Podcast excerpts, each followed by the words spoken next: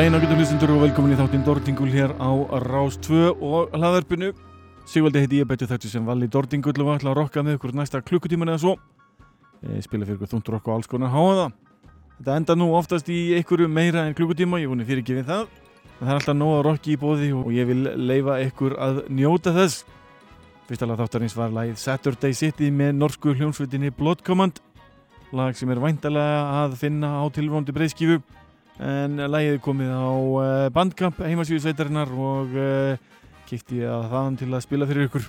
Stórskemmtileg sveiti og uh, er svona nokkur einn blanda af þungurokki, poppi og hardkjarnatónlist einhvern veginn verður þetta hernast vel allavega í mínum eirum en í þætti dagsins munum við meðal annars er að glæni þetta með íslensku rocksveitinni Divine Defilement. Sveitin var að senda frá sér plötina Primitive Gospel sem er alveg þrælskemmtileg Í viðbótið það heyrum við einnig nýtt efni með hljómsveitinni My Dying Bride og hljómsveitinni Body Count en ég bæti heilum helling af öðru efni í viðbótið við það. Fyrir bara beint yfir nýjasta nýtt með hljómsveitinni Body Count. Það er lag sem ber nafnið Another Level.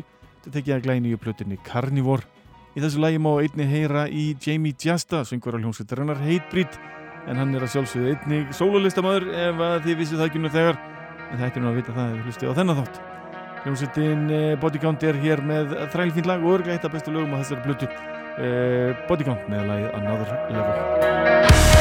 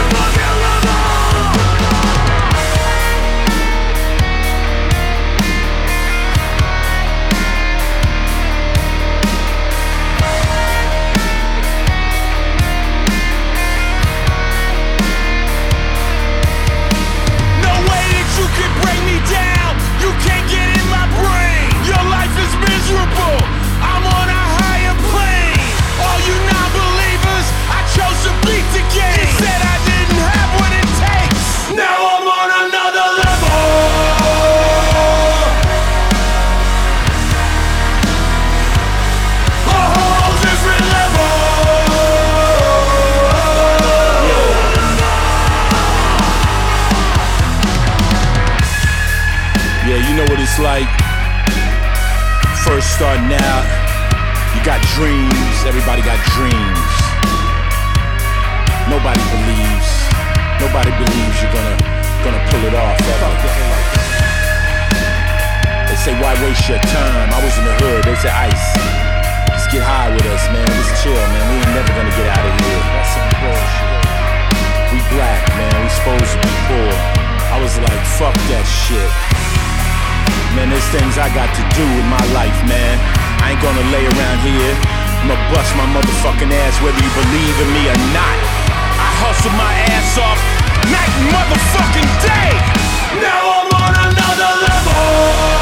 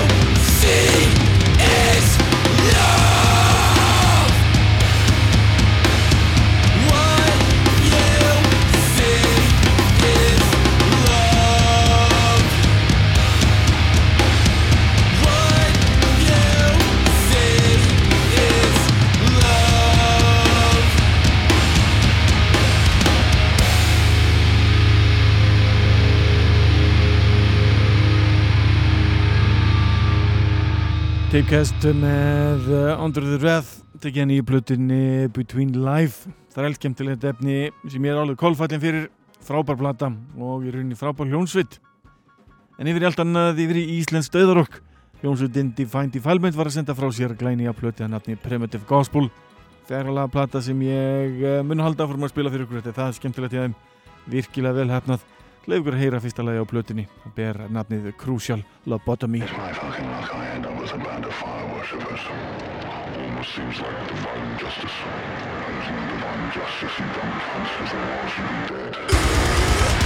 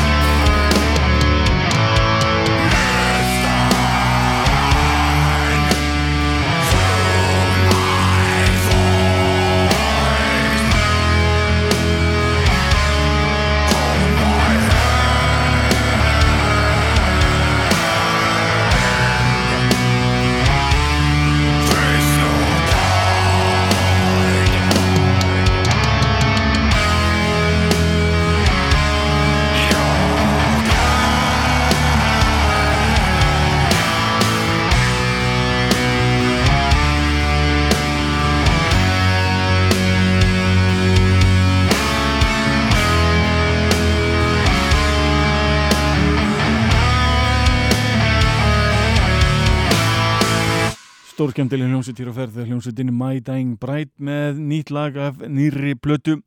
Þetta var lagið The Long Black Land tekið af plötunni The Ghost of Orion. Þessi hljómsveitin er búin að gefa út heilan helling í gegnum tíðina. Stofnaður 1990 í Bradford í vestur Yorkshire í Englandi. Spilaði til að byrja með alveg hart döðrokk sem að margir fjallu fyrir enda frábær hljómsveit eh, þá og í dag.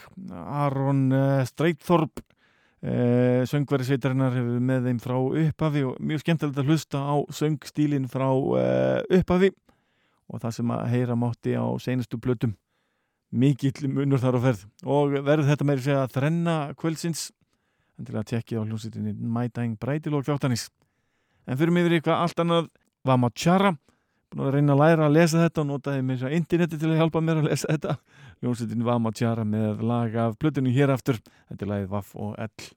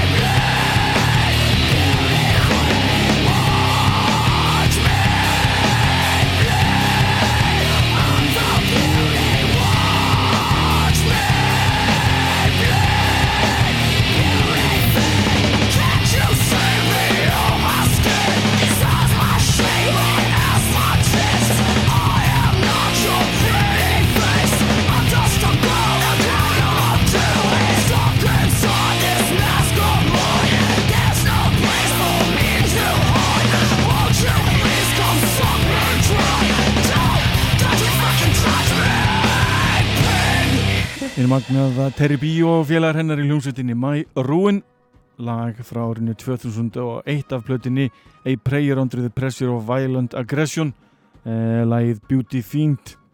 En eh, höldum okkur við nýtt efni núna. Förum yfir í nýtt lag af plötu hljómsveitarinnar Suicide Silence. Platanbernatnið Become the Hunter og alveg þrælskemmtileg. Skal alveg viðkjöna hlustum á lagið Disaster Valley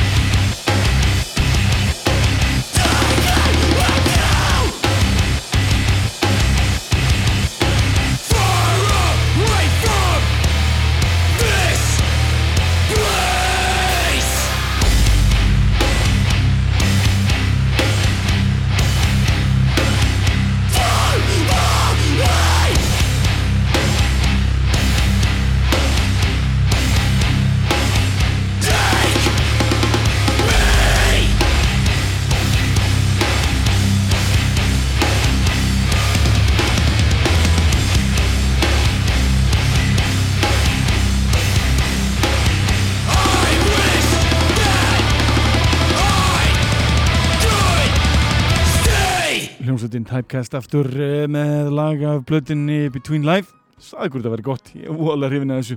Það er reyna að lesa nafnið á læginu en það er Hypnagogic Hallucination. Segjum það bara, það hljómar eh, nokkur neginn rétt. En af þessari bandarísku snild yfir í íslenska klassík tökum lag af uh, 2004 blöðinni Icons of the Dark Ég er hljómsveitin Mirk með lagið I am the symbolic torture.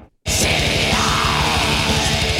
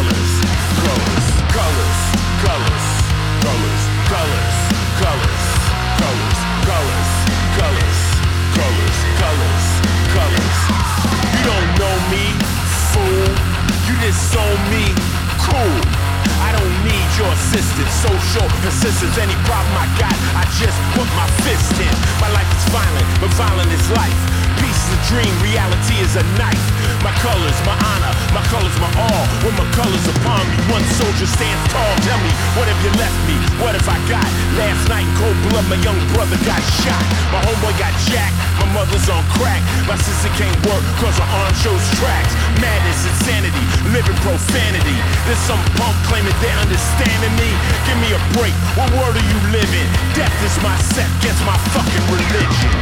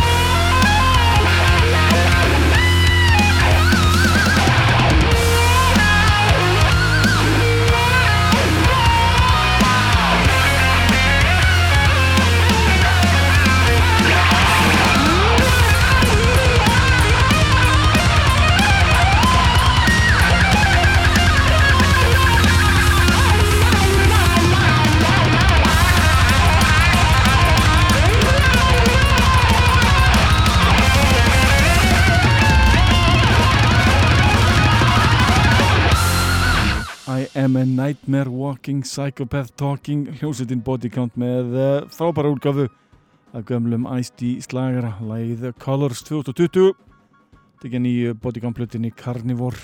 En fyrir mér annar laga nýju plötu hljónsveitarinnar Divine Defilement. Plattan ber narnið Primitive Gospel og hér heyr við læð Storyteller.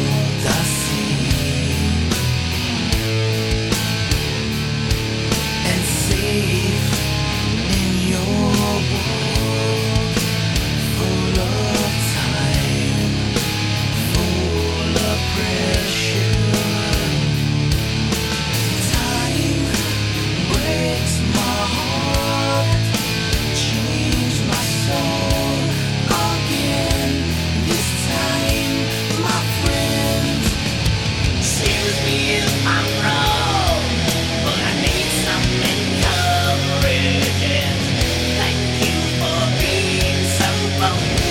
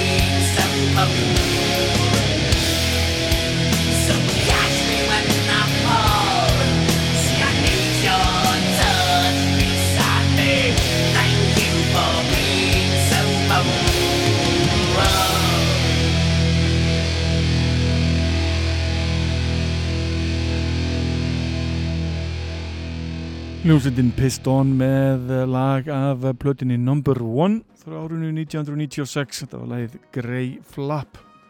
Þessi hljómsveit fekk nokkra umfjöllun á MTV sjónvastuðinni fyrir all mörgum árum síðan en það beintengd hljómsveitin í Type O Negative. Hann Henry Font eh, frontmaður á sand bassalegarunum Val Íum. John Kelly meðlumur hljómsveitarinn Type O Negative spilaði einni með þeim og, og fleira og fleira og fleira Ljónsveitir held ég löngu hætt. Það lagi þótti mér alltaf væntum, eh, skemmtilegt. En eh, endum þáttinn með stæl og eh, fílingum stæl. Því ég ætla að leiða ykkur að heyra þrjú lög í röð með hljónsveitinni My Dying Bride. Byrjum árið 1992 Hlustum á lagið The Bitterness and the Beverment af fyrstu alvöru breyðskíu sveitarinnar As the Flowers Withers. Svo förum við til ársins 2006 og hlustum á mínu uppáhaldsblötu með sveitinni af plötinni A Life of uh, Deathless Kings lagið uh, L'Amour du Trot eða eitthvað svo leiðist svo endum við þetta á uh, lagi frá árunni 2015 af plötinni Feel the Misery. I Celebrate Your Skin heiti lagið. Þá getur næst verið sæl